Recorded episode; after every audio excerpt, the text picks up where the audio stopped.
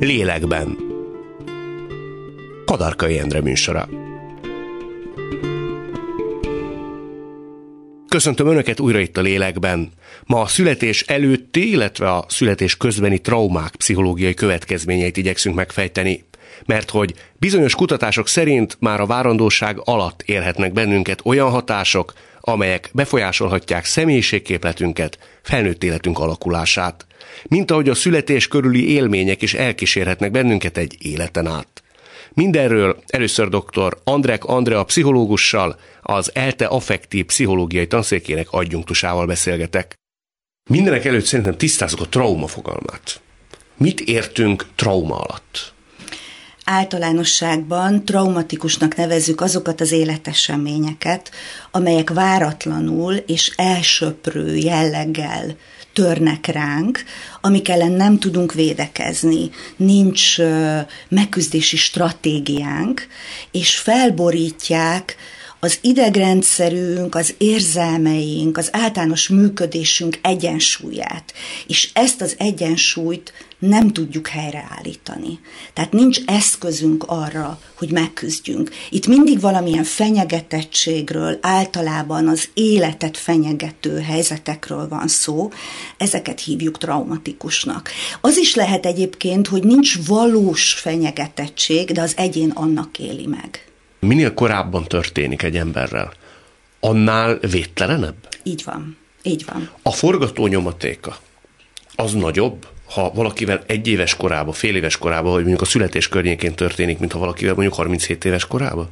Így van. És akkor gondolom lassan ráfordulhatunk a célegyenesre, a perinatáris traumára, mert akkor mondok erre egy ilyen nagyon egyértelmű bizonyítékot, hogy például azok a magzatok körében felnövekve, akiket a, ahol az anyát az apa a várandóság alatt hagyta el, és ez az anyai stressz éri a magzatot, sokkal több a nehezítettség a felnőtt életben, mint azoknál, ahol a vállás vagy az elhagyatás az az élet első évében történt. Ez hogy lehet, és folyamatosan ez az én kérdésem, hogy lehet mindezt tetten érni? Tehát, hogy a kettőnek ilyen szoros összefüggése van. Hát például ilyen kutatásokkal, hogyha nagy számú mintán ezt megvizsgálják, és ehhez van ugye kontrollcsoport, ahol meg lehet nézni, hogy ilyen vagy olyan helyzetben mi történik. Vannak például konkrétan olyan kutatások, amelyek váratlan természeti katasztrófák nyomán alakult ki a kutatás. A, például a 90-es évek vége felé Dél-Kanadában volt egy ilyen komoly jégvihar, és ott nem is tudom, azt hiszem három hónapon keresztül sok millió ember elzártan élt életveszélyben, hiszen nem volt áram, nem volt táplálék, stb. És az akkori várandósok gyermekei tovább követték sok-sok éven keresztül. Ugye ez egy azért módszertani szempontból nagyon izgalmas minta, mert nem a szociális nehezítettség vagy egyéb alapján sorolódtak be, hanem ott mindenki ott volt. És például ebből a kutatásból is tudjuk azt, hogy minél kisebb volt a várandóság ebben az időszakban, tehát az első és a második trimeszterben lévő anyák magzatai 3, 5, 7, 11 éves korban nagyobb eltérést mutattak a normál fejlődés menetétől. Pusztán attól, hogy akkor az édesanyjuk szorongott, nagyobb stressznek volt kitéve. Így van, így van. Tehát az anyai megemelkedett szorongás ugye közvetlenül hat a magzati stresszválaszra, tehát ugye az anyai stresszhormon szint megemelkedése hat a magzati stresszhormon szint megemelkedésre. Ez egy speciális élettani helyzetet okoz. Ebben az élettani helyzetben, tehát amikor stresszben vagyunk, akkor úgy működik a keringés, hogy olyan területekre préselődik a vér, amelyek ugye ezt az üsfus megküzdési reakciónak kedvezne, tehát főleg a perifériára, a végtagokra, és olyan agyi területekre, amelyek ezt támogatják, és például kevesebb jut a zsigeri ellátottságra, vagy például a magasabb kognitív funkciók területére, hiszen gyorsan, reflexzerűen kell reagálni. Ha jól értem, az az állítás, hogy tulajdonképpen a fogantatás pillanatától már ki van téve a magzat annak, hogy olyan lenyomatok uh, szülessenek az ő személyiségén, pusztán annak köszönhetően, ami a mélyben történik, az anya aktuális kondíciójának köszönhetően, amely kihat az egész életére. Ez így van, de ezt mondhatjuk pozitívan is, hogy mondhatjuk azt, hogy valójában a tapasztalatszerzés az a fogantatás pillanatától van. Tehát minden olyan esemény, ami ér bennünket a megszületésünkig, mondjuk gondolkodjunk eddig, aztán majd mehetünk tovább, az is valójában egy tapasztalat. Tehát amikor megszületik egy kisbaba, akkor az, amit látunk rajta, egy újszülöttnek a viselkedésén, temperamentuma, a reaktivitása, mondjuk, hogy mennyire könnyen megnyugtatható, vagy mennyire gyorsan feszül be, vagy mennyire szereti a babusgatást, vagy, vagy inkább a, ö, nem tudom, inkább, inkább a kiságyban szeret feküdni, hogy mennyi ingert szeretne. Ezek mondjuk mind-mind olyan tulajdonságok, amiket nem nevezhetünk genetikának, Persze van benne genetika is, de innentől fogva nagyon izgalmas az a kérdés, hogy mi az, amit ő valójában megtanult, amit ő megtapasztalt. A kilenc hónap alatt. A kilenc hónap alatt. Mert hogy tulajdonképpen az egy magzati programozottság? Tehát ezt úgy kell elképzelni? Valami programozódik belé a személyiségébe? Így van norma, így is hívjuk. Normatív az, amit tapasztalunk. Sokféle szempontból. Élettani szempontokból is például az inzulin szint, az is programozódik. Tehát ezért fontos például egy anyai cukorbetegséget kezelni a várandóság alatt, mert hogyha annak kiugró értékei vannak, akkor az a magzati inzulin termelésre is hatással van. És igaz ez valóban arra is, hogy mi a hát az általános, hogy így mondjam, arousal állapot, az általános aktivitási állapot. És ugye ebben még nagyon fontos a ritmus, talán ezt hangsúlyoznám ki, hogy normatív az, hogy a várandóság alatt vannak feszültebb pillanatok, de hogy aztán mindig legyen egy ellazultság, és hogy ezt a ezt a ritmus tapasztalja meg a magzat, hogy igen, az élet az életszerű, tehát nincs szükség arra, hogy mondjuk egy várandós kilenc hónapon keresztül elvonuljon, és csak a fák leveleit hm. szemléje, hanem hanem hogy megtanítsa a kisbabáját arra, vagy a magzatát már megtanítsa arra, hogy igen, vannak feszültségek, azokra igen, feszülten reagálunk, de utána megnyugszunk, és azt mondjuk, ó, Üssekavics, majd megoldódik. Miközben, ha az édesanyja soha nem tud kvázi megnyugodni, hanem ez a kilenc hónap ö, szakadatlan szorongással telik, vagy űzöttséggel, ez miképp képez lenyomatot a magzaton? Hát, hogy ennek mi a hatásmechanizmusa?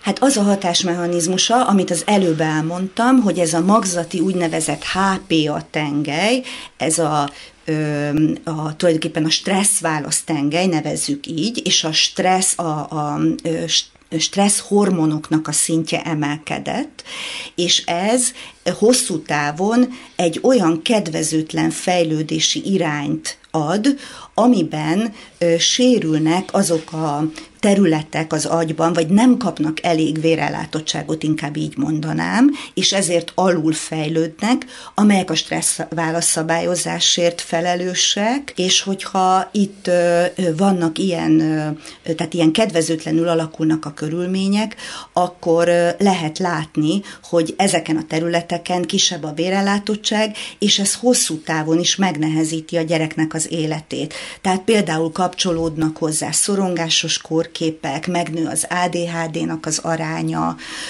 hogyha extrém nagy stressznek van kitéve az anya, akkor például megnő az autisztikus kórképeknek az aránya, a tanulási nehezítettségek, figyelemzavar, ugye ezek mindenhez a hipervigilanciához, ehhez, a, ehhez az emelkedett a aktivitási szinthez kapcsolódó nehezítettségek. Mi lehet még, mi okozhat még problémát a magzat számára az édesanyát figyelembe véve? Kiemelném azokat a nagy területeket, amikre vonatkozóan van kutatás, hogy veszélyforrás, hogy lássuk azt, hogy mi a normatív, és mi az, ami ténylegesen fenyegető. Tehát például az, hogy az anya nem tudja befizetni egyszer a gázszámlát, az nem egy életet fenyegető hm. esemény. De ha rendszeresen nem tudja befizetni, és mondjuk mély szegénységben él, az már egy olyan tényező, amit veszélyeztető tényezőnek mutattak ki ezekben Mert hogy az a egyik konstans. Mert ez konstans, és itt ugye valójában a magzatot majd nem egy sok trauma éri, tehát nem egy egyszeri megpróbáltatás, hanem ezekből a sok-sok mikrotraumából, ami ugye alapjában az anyának a mikrotraumája, összeáll egy úgynevezett kumulatív trauma, tehát egy összegződött trauma, és ha a kisbabáról beszélünk, akkor ott fejlődési traumának szoktuk ezt hívni, tehát amikor folyamatosan jelen van valamilyen kedvezőtlen körülmény. Tehát a mély szegénység az mindenképpen az. Vagy egy, úgy mondanám, hogy egy veszélyeztető tényező, mert nyilván ott is vannak anyák, akik a nagy nehezítettség ellenére mégis tudják valahogy úgy segíteni a kisbabáikat. Szóval mindig van ellenpélda is, de most a nagy számokról beszélünk. Ami még ilyen, azok ugye a természeti katasztrófák, ahogy mondtam, ilyen például a háború, tehát ezek a külső fenyegetettségek, ahol megint csak az életet veszélyeztető állandó fenyegetettségben élnek a várandósok. És ide tartozik az anyapszichiátriai betegsége, például az anyai depresszió. És nyilván aztán nagyon fontos a gyerekágyi depressziónak is a kezelése, mindkét időszakban, és nem csak a depresszió, minden más pszichiátriai kórképnek a kezeltsége az fontos, mert, mert a maga a betegség akadályozza az anyát abban, hogy kapcsolatba kerüljön a kisbabájával, és mindeközben irgalmatlan nagy bűntudatot élnek meg. Tehát szóval mindig oda lyukadunk ki, hogy a szorongás, a szakadatlan szorongás és pontosan. a stressz, ami az édesanyját jellemzi, ez alatt a kilenc hónap alatt. Igen, de azért egy dolgot szeretnék hozzátenni, hogy ezt tisztázzuk, hogy a stressznek van egy olyan megnövekedett mértéke a várandóság során, ami még teljesen normatív. Ha nem lenne az anya várandós, de ezt a megnövekedett stressz szintet mérnénk, akkor patológiának neveznénk a normál élethelyzetben, de ha várandós, akkor még normatívnak hívjuk. És úgy gondolkodunk erről a stresszről ma, hogy ez valójában a fejlődő vagy alakuló anyasságnak egy nagyon fontos motorja. Arról fantáziálni, hogy életbe tudom-e majd tartani a gyerekem, hogy egészséges lesz a gyerekem, hogy elég jó anya leszek-e. Ezek olyan, hát hogy is mondjam, ilyen badarságnak vagy fölöslegesnek tűnő kérdések, miközben meg nagyon fontosak. A nagyprágai vizsgálatot röviden ide teszem. Az a 60-as évek közepén végén indult, és olyan csehszlovák anyák vesztek benne részt, akik háromszor kaptak elutasítást az abortuszbizottságtól. És ezeknek a gyerekeinek az életét követték nyomon. Na most azt találták, hogy ebben a populációban szignifikánsan magasabb volt az öngyilkosságok aránya, a pszichiátriai megbetegedések aránya, a mindenféle szociális készségek kifejlődésének a nehezítettsége. Csak hogy jól értsem, a, tehát háromszor nem engedték a vettélést. Háromszor ment a bizottság elé, és könyörgött azért, hogy nem nincs olyan élethelyzetben, hogy szeretné ezt a gyereket a világra hozni. És mindezek akkor, dacára megszülettek. Így van, tehát nagyon szigorú abortusztörvény volt, mindezek dacára megszülettek és hát ez így mutatkozott meg, és talán ami a legdrámaibb az egészben, hogy ebben a populációban alig akadt, aki továbbadta az életet. Tehát aki párkapcsolatra lelt, és vállalt, kihordott, továbbadta az életet. Tehát olyan drámai hatása van ennek, és hogy ugye nagyon nehéz ebben a vizsgálatban szétválasztani azt, hogy meddig tartott a nem kíváncság, hogy milyennek a prénatális, tehát a születés előtti hatása, és mi történt utána. De azért vannak egyéb vizsgálatok, amelyek például mutatják azt, hogy ez a korai elutasítottság, vagy az első három hónapban mondjuk örökbeadott rossz körülmények között ö, való élet, és aztán később bekerül egy kedves örökbefogadó családba, ahol aztán minden elsimul, és már szeretik és töltik föl azt a kisgyereket, és minden létező jóságot és szeretetet megkap, de ez a hiány, ez nagyon sokszor ott marad. Ugye eddig arról beszéltünk, hogy mi történik a születés előtt, a várandosság alatt. Igen. Megkülönböztetünk ugyanakkor a születéssel kapcsolatos traumákat is. Ott milyen fajta következményei lehetnek mindennek a későbbi személyiségre vonatkoztatva? A születési trauma az egy sok trauma. Ugye az egy ilyen egyszeri, és hát nem, nem lehet vele megküzdeni.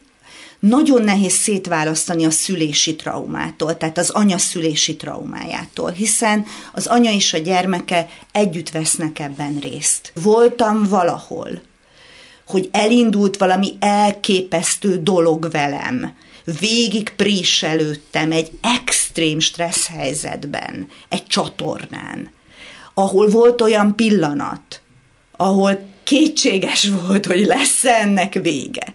És egyszer csak vége lett.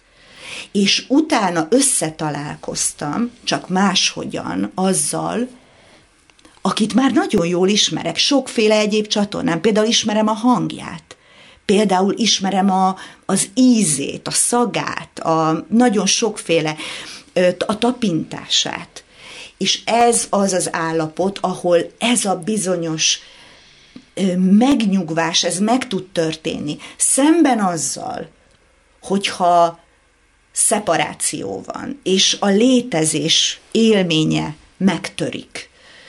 Ha, ha olyan gyötrelem, ha olyan megaláztatás, ha olyan biológiaiak feldolgozhatatlan ingerek érik az újszülöttet, és hát nyilván az anyát is, hiszen nagyon kiszolgáltatott állapotban vannak mindketten, amire nincs eszköztáruk. Tehát egy a, a születésnek nagyon nagy bizalomban, biztonságban, érzelmi biztonságban és társas támasztékban kellene, hogy történjen. Tudsz mondani egy számodra legmegkérdőjelezhetetlenebbnek tűnő, nem tudom én, kutatást, adatot vagy bizonyítékot arra nézve, hogy ha valaki nem ilyen körülmények közt születik, és az előbb elmondott eszményi konstellációból valami hiányzik, akkor az ő későbbi felnőtt életében ez miképp áll szoros összefüggésbe és cáfolhatatlanul?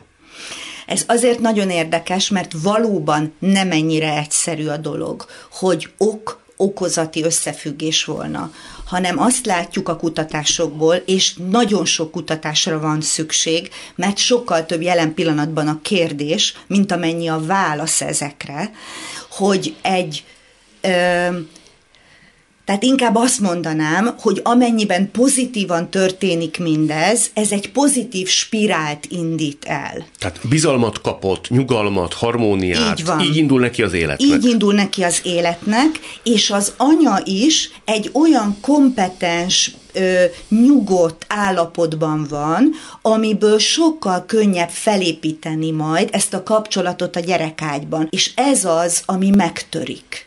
Ami megtörik akkor, hogyha traumatikus a szülés élmény, mert kialakul az úgynevezett PTSD vagy poszttraumás stressz szindróma. És még egyszer mondom, soha nem ok-okozati az összefüggés, hanem ezek rizikók, ezek, ezek olyan tényezők, amelyek megnövelik a kockázatát. És az se biztos, hogy aktivizálódnak. És az se biztos, hogy aktivizálódnak, mert nagyon sok múlik azon, és ugye itt van nyilván a terápiának is a helye, hogy hova lehet elsimogatni De el ezeket lehet simogatni? a traumákat. El lehet simogatni, minél kisebb a trauma, annál inkább el lehet simogatni.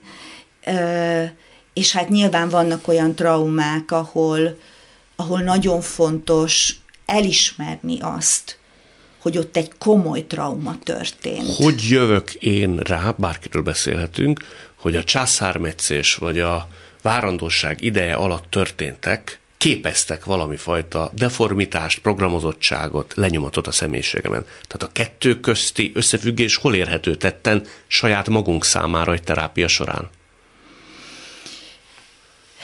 Nagyon sokféle út vezet ide. Már a többen úgy keresnek már meg, hogy ezzel a tudással érkeznek, hogy rájönnek arra, hogy van valami olyan mély magányosság, elszigeteltség a lelkük mélyén, ami nem magyarázható azzal az élettörténettel, amire rálátásuk van. És elkezdtek kutakodni és kiderülnek dolgok a családban. Van ez az út.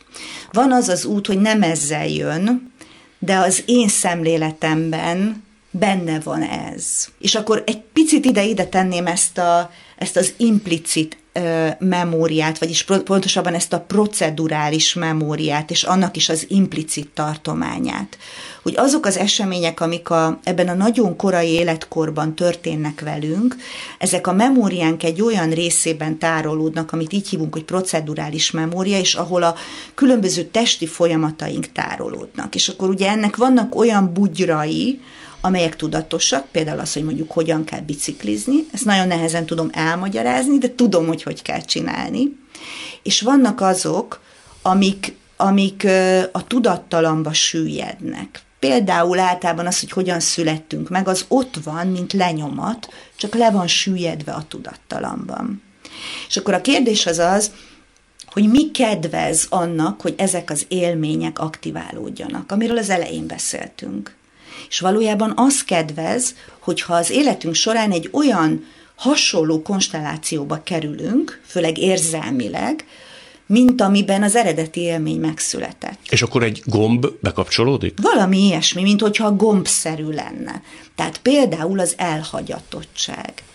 És akkor ez úgy néz ki mondjuk ott a terápiás térben, hogy hogy elmondja ezt a mély elhagyatottságot, és akkor dolgozunk a testélménnyel, hiszen ez testbe ágyazódva van meg. Hogy akkor menjen ebbe bele, és például elindul egy remegés. És akkor ez a remegés, ez fokozódik fel, és kerül bele egy olyan állapotba, ahol mondjuk ebből a tónusos immobilitásból a remegésen keresztül egy aktivitás jelenik meg. És akkor felépítjük ezeket a lefagyott helyzeteket. Sokszor nincs is rá szó, vagy csak két-három üléssel később alkotunk egy történetet, egy narratívát ahhoz, hogy mi történt. Ugyanis a traumának és, ezek, és ennek, a, ennek az implicit memóriának az az egyik alapvető tulajdonsága, hogy a múlt az a jelenben van. Tehát nincs idői dimenziója.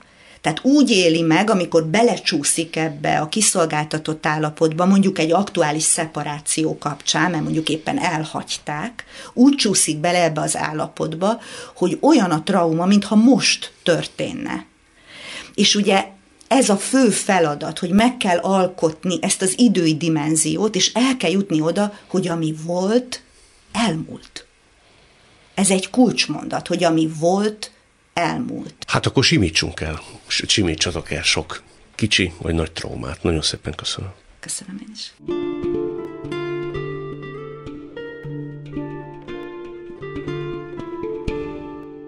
Dr. Andrek Andrea után következzék Zágoni Bettina. Saját történetének feldolgozását az anyaságra való felkészülés indította el. Azt állítja, hogy a születése előtti és közbeni történések bizony komoly nyomokat hagytak a lelkében.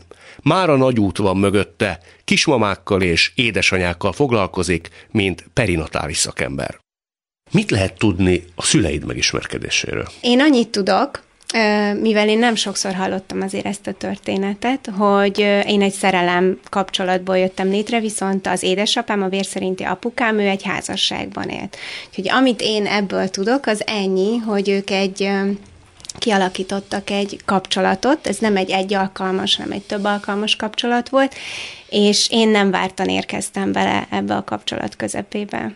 Te erről mikor szereztél tudomást? Ez egy nagyon jó kérdés, mert őszintén nem tudom. Azt tudom, hogy gyerekkorom óta úgy nőttem fel, hogy tudtam, hogy a nevelő apukám, aki olyan két és fél éves koromban csatlakozott az életemhez, ő nem az én apukám, viszont az, hogy erről mikor beszéltünk, mikor beszéltünk először, arra így nincsenek emlékeim. úgy ők nem várt gyermek, hogy ők nem tervezték, hogy lesz egy közös gyermekük, illetve az anyukám úgy ment bele ebbe a kapcsolatba, hogy ő azt is tudta, hogy nehezítetten tud teherbe esni, ezért nem volt túl nagy esélye, hogy itt most létrejön egy élet.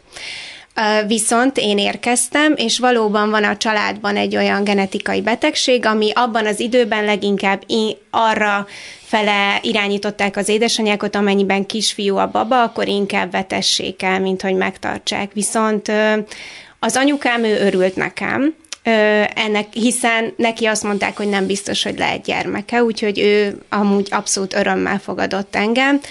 Mivel a másik oldalon, az édesapám oldalán ez egy nehezített helyzet volt, ezért ott nem volt akkora kitörő az öröm. Az lett a megoldás, hogy ő nem is volt soha az életem része. Uh-huh. Nem is találkoztál vele soha? Nem, soha. Ami egyébként kimondva mindig nagyon furcsa, de az én életemben ez annyira természetes, de ha vala, én is hallanám valakitől, hogy soha, akkor nehéz lenne megérteni, hogy miért nem, de valahogy én úgy nőttem fel, hogy nekem mindig is az anyukám volt a fejemben, mint szülő, és valahogy úgy értelmeztem a világot, hogy nekem teljesen normális, hogy nincs apukám. De mondjuk itt most belépne. Nem fog. Aha, Tehát ez nem ez a műsor. Tudom. De vannak ilyen műsorok, ahol így meglepetésszerűen összehoznak családokat. De akkor mit csinálná? Hát biztosan örülnék neki, hogy látom, szóval, hogy ez egy izgalmas dolog látni azt, hogy kitől eredsz, hiszen, hiszen mégiscsak ő adta azt a fontos hozzávalót még, amiből én láttam.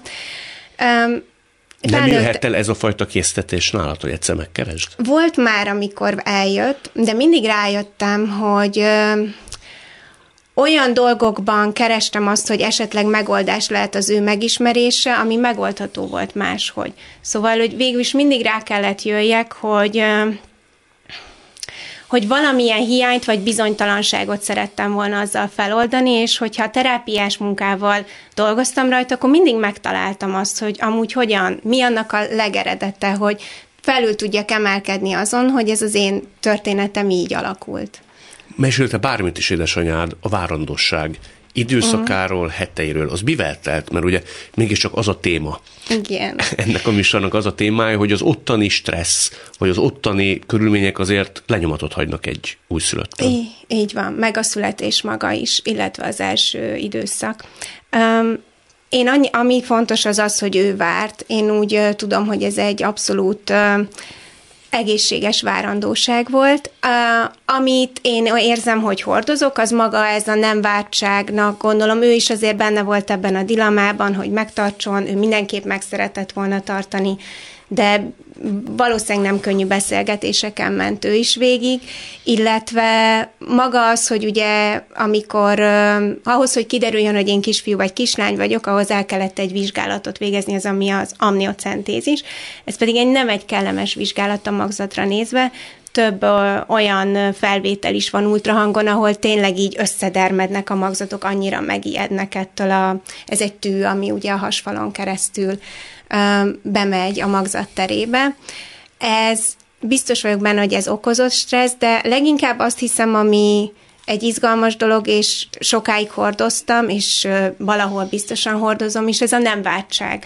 Az, hogy annak a tudata, hogy az én életem, az én létezésem, az valahol mondjuk bánt egy nőt, akinek ez a bizonyítéka annak, hogy a párjában csalódott. Vagy... Ez apukádnak a felesége. Igen, akitről szintén semmit nem tudok, de hogy ez, ez azért ezt viszi az ember magával. Igen, hogy... de ennek a mechanizmusa azért nagyon érdekel. Egy olyan emberről ja. beszélünk, akit te nem ismersz. Így van.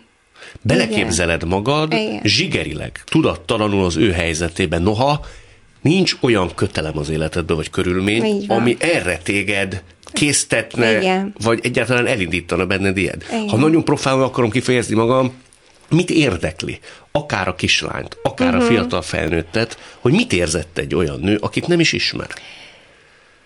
Mm, szerintem ez onnan fakad, hogy magzatként ezt a saját terápiás munkámban is erre, erre jutottam, meg ezt éreztem, hogy valahol érződik ez az elutasítottság, valamint az, hogy az, hogy a létem az nem teljes öröm.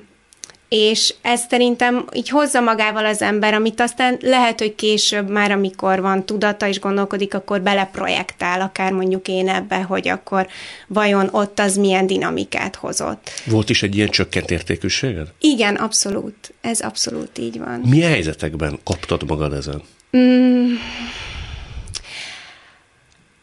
hát leginkább az olyan helyzetekben, ahol, uh, ahol ahol csoportban vagyok, voltam, vagy vagyok, főleg az iskolában, vagy vagy akár a testvéreimmel szemben. Mert ugye ott lett egy közös gyerek, a nevelőapukád és anyukád Igen. által, és nevelőapukád is hozott az előző házasságából Igen. egy gyereket. Így van, így van, mi egy patchwork család voltunk, vagyunk. Te egy picit kívülállónak érezted magad, tehát úgy gondoltad, hogy a sor végén álltál?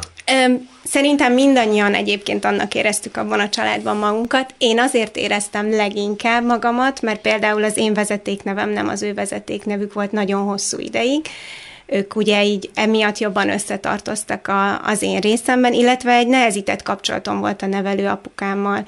Úgyhogy igen, azt mondom, hogy abszolút ott azt uh, úgy éltem meg, hogy Ezekről is fogunk beszélni, de jó. amikor az ember csökkent értékűségről mm. beszél önmaga kapcsán, akkor ezek azért jó részt démonok, nem?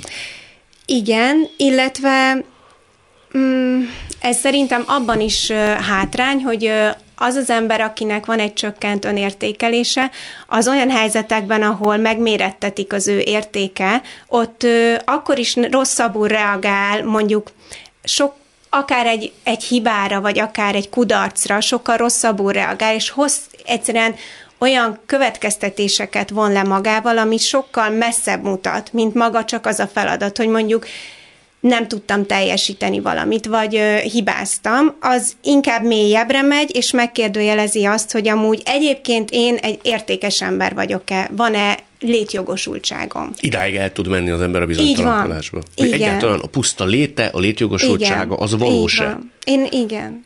El tudtál idáig menni, igen. hogy miért vagyok? Igen. Majdnem, hogy jobb lenne a világ, ha én nem lennék.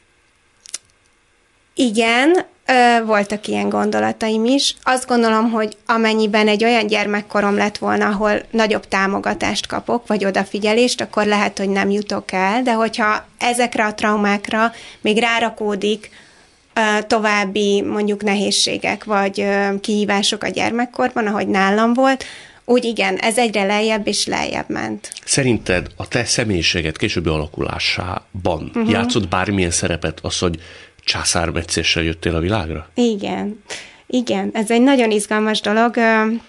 A, a,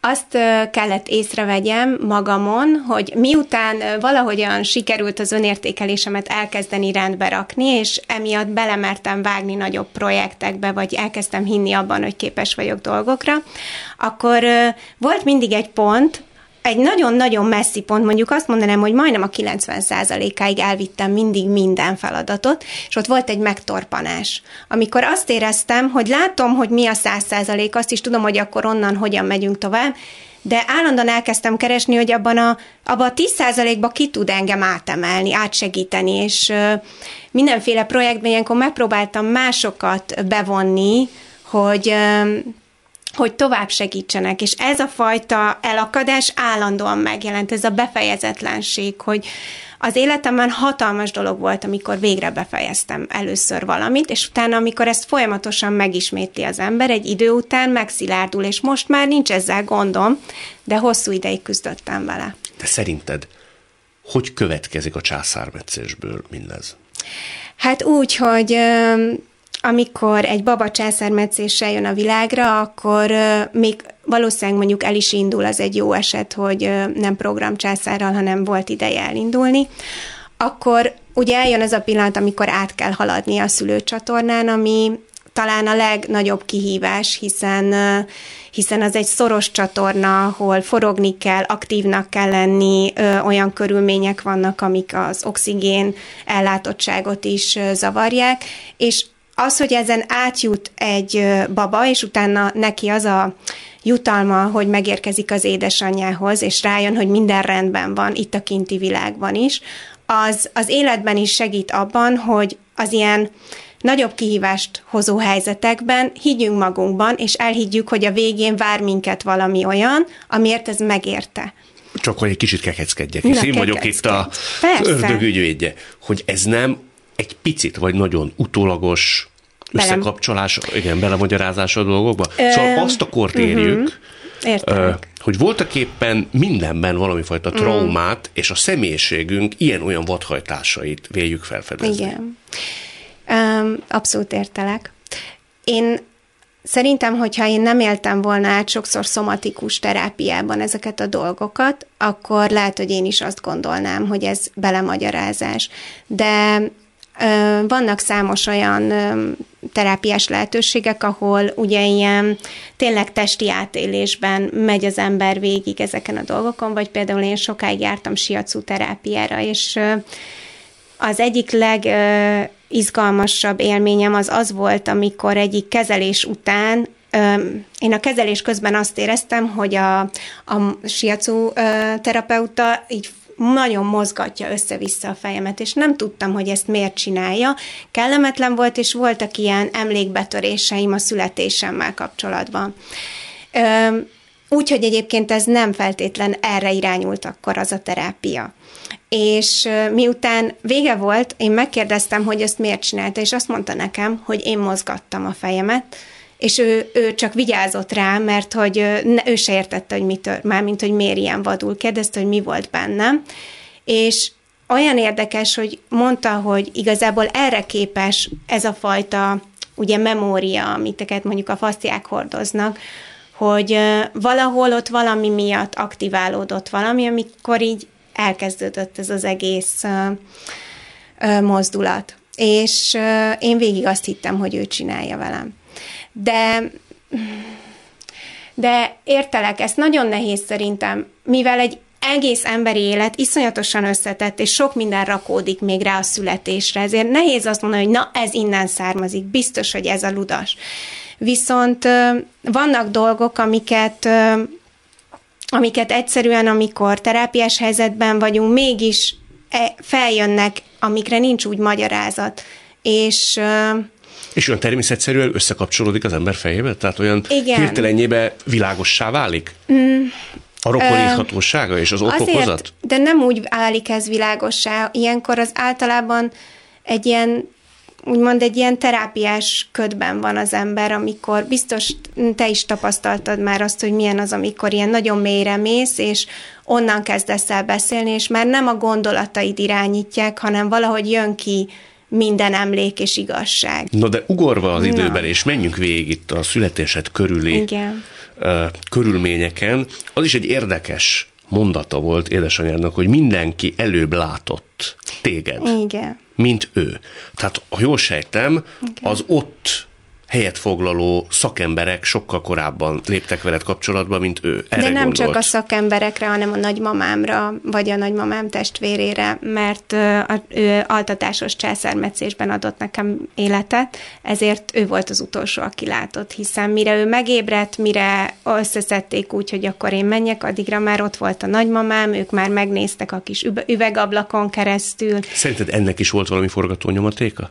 Rám nézve nem felt, mármint az igen, hogy szeparáltam voltam, az abszolút. Azt iszonyatosan mélyen őrzöm annak a szeparáltságnak az érzését. Az... A szeparáltság alatt itt most ebben az esetben mire gondolsz? Arra, hogy, mi, hogy mikor őt kiemeltek, ugye a hasából, akkor engem elvittek rögtön, és én nekem nem volt semmi lehetőségem kapcsolódni azzal, akivel kilenc hónapot töltöttem, és aki nekem az élet volt. Mert hogy ilyenkor az lett volna a mindenki számára üdvös és harmonikus, ha azonnal ott a mellére vesz téged.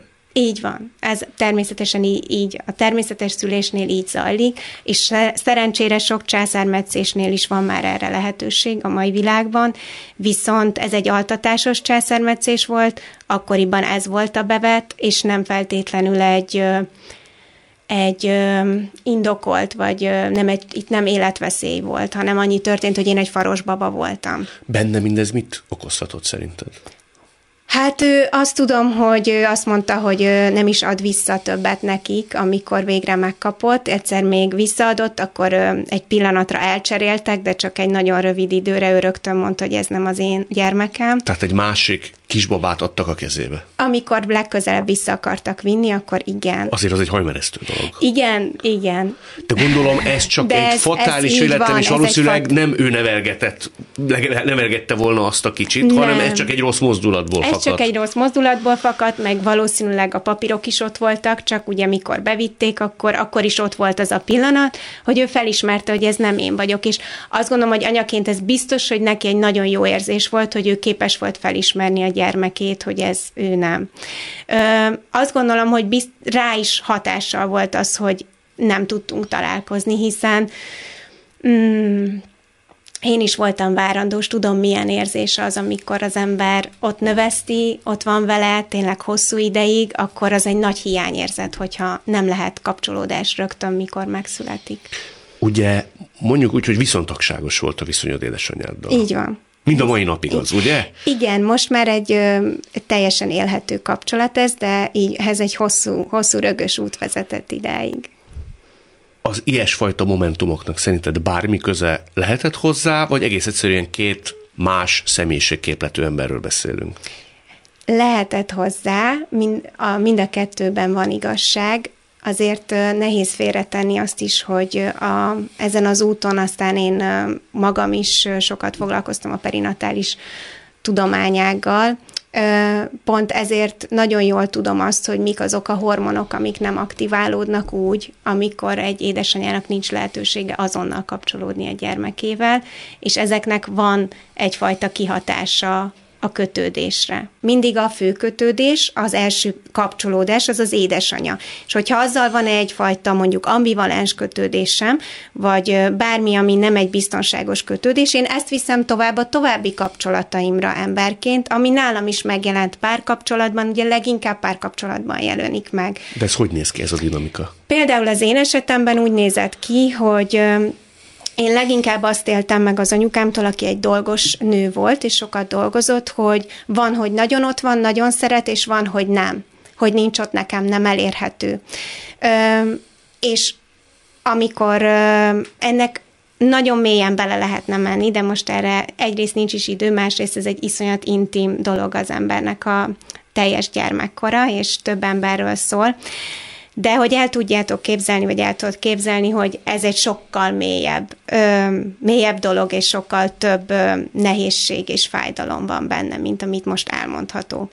Ezeket vittem én tovább a párkapcsolatomra, és nagyon hosszú ideig olyan kapcsolatokat kerestem, ez nem tudatosult akkor még bennem, ami az anyukámmal való kapcsolatomat mintázta, azaz hol nagyon szerettek benne, hol hirtelen nem szerettek benne. Tehát ilyen sevelet nélkül Igen, de ez kényelmes és megszokott volt nekem, mert én ezt ismertem. És nagyon nehéz volt azt mondani, hogy nem ez az egészséges. Felismerni, hogy én amúgy hosszú távon nem egy ilyen párt szeretnék az életemben, vagy egy férjet, vagy egy gyermekemnek édesapát.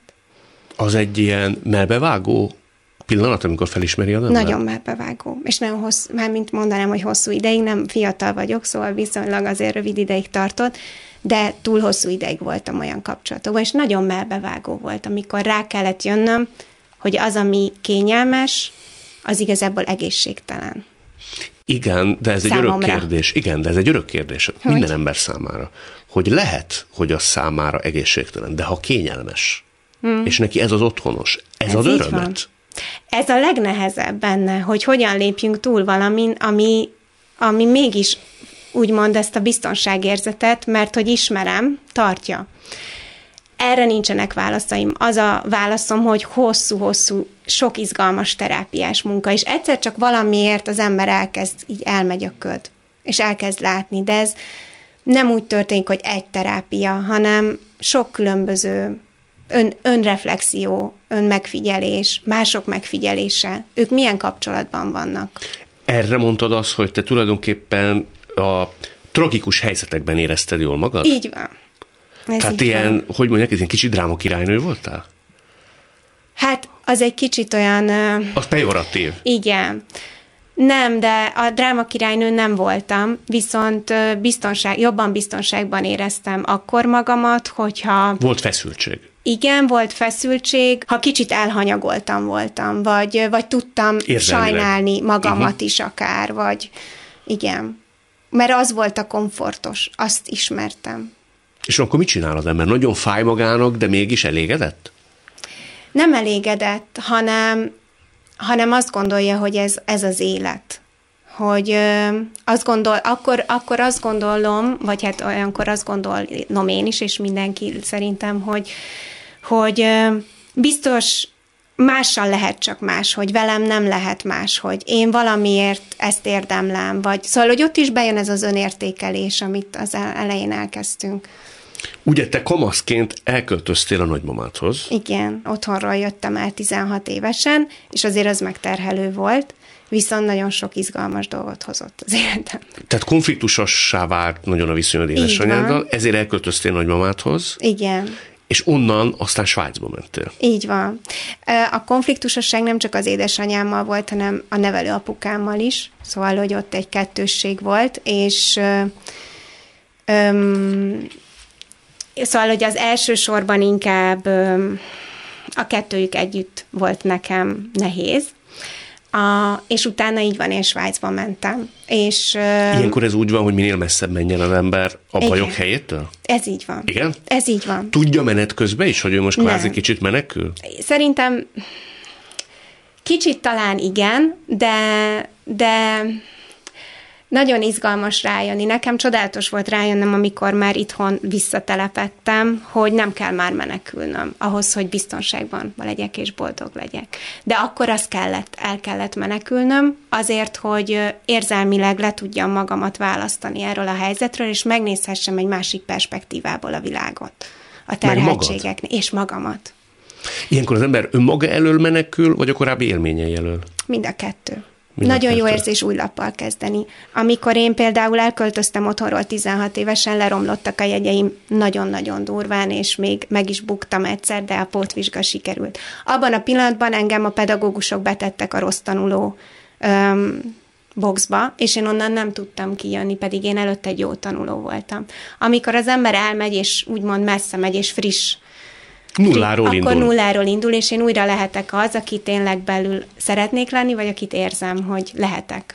Igen, de azt gondolná az ember, így különösen mm. kibicként, hogy azért ennek a hatóereje, vagy érvényessége korlátos. Ez így van. Ez így van. Tehát egyszer ez megkérdezték, csak... hallottam egy történetet, ez nagyon megmaradt bennem, hogy megkérdezte egy kiskamasz az aranyember kapcsán a tanítónénit, uh-huh. hogy léteznek-e olyanok, Aranyember. mint a senki, igen, a senki szigete. Uh-huh. Mert azt mondta a tanítónéni, hogy hogy vannak olyan helyek a világon, hogy senki szigetek, csak senki nem tud elmenekülni önmaga elől. Így van. Tehát téged Svájcban végül is akkor csak utolért mindaz, ami elől el akartál menni. Hát arra rá kellett jönnöm, hogy hogy szembesülni, meg szembe kell nézni ezekkel a dolgokkal, ha változást szeretnék magamban, egyértelműen, de kaptam egy kis időt a, a gondolkodásra. Szóval, hogy valamelyest azért ad is, de így van, nem ott maradtam, mint láthatod, hanem itt vagyok újra. Te mi húzott vissza? Um, Igazából egyrészt a szerelem, ak- akkor még pont egy olyan szerelem, ami kicsit hasonló volt, mint az anyukámmal való kapcsolat. Másrészt az, hogy kitaláltam, hogy mit szeretnék tanulni, és akkor visszajöttem ide. De utána majdnem megint kimentem, mert nem találtam a helyemet, de elkezdődött már egy terápiás munka, amiben már elkezdtem szépen lassan változni. Csak ez nem így megy egyik napról a másik napra. És és hosszú távon viszont egy, volt egy pont, amikor újra lehetőségem lett volna már a, ö, már a, hát a fé, mostani férjemmel, de akkor még csak jegyes voltunk, kimenni Svájcba, és akkor már, tudtuk, akkor már tudtam, hogy nem szeretnék feltétlenül, mert már nem kell menekülnöm tovább. Megtaláltam azt, hogy itt is lehetek biztonságban, hogy itt is lehetek önmagam, és ez, ez, ez fontos. Azt mondtad, hogy olyannyira rajta hagyta a te személyiségeden a nyomát egyik-másik eddig már taglalt történet, hogy volt időszak, amikor nem is hagytad, hogy megöleljenek. Ez így van. De mit éreztél? Igen. Tehát mi zavart? Az intimitás, a gyengétség, a szeretet kifejeződése, vagy azt gondoltad, hogy te ezt nem érdemled meg? Leginkább az utolsó. Uh-huh. De ugye biztos ismerjük mindannyian azt, amikor valamit úgy érzünk, hogy nem érdemlünk meg, és inkább elébe megyünk, és azt mondjuk, hogy nem is kell nekem hogy eljátszom azt, hogy nekem erre nincs szükségem, én fölötte állok ennek Igen. a dolognak.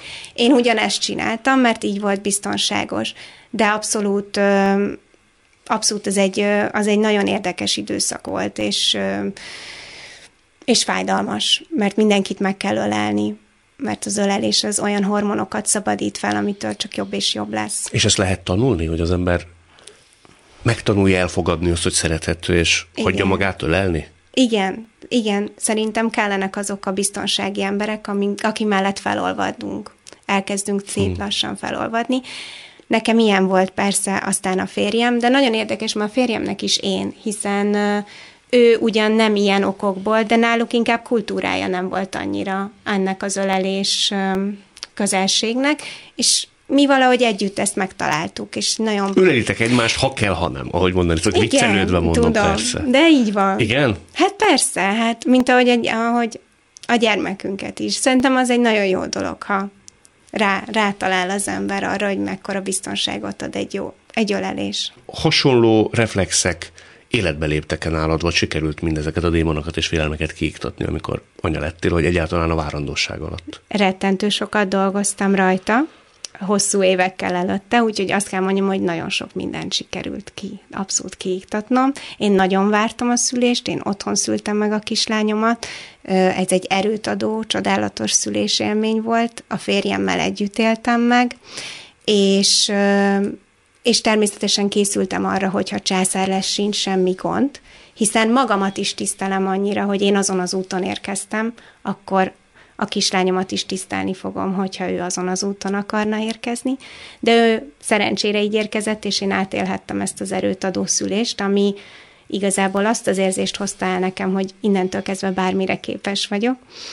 Viszont ami még érdekes, az az, hogy pár nappal a születése, születése után egy ilyen megfoghatatlan félelem úrá lett rajtam, hogy a férjem el fog hagyni, és egyedül maradok és nem volt racionalitása ennek a félelemnek, de olyan úgy érkezett, mintha ez teljesen megtörténhetne.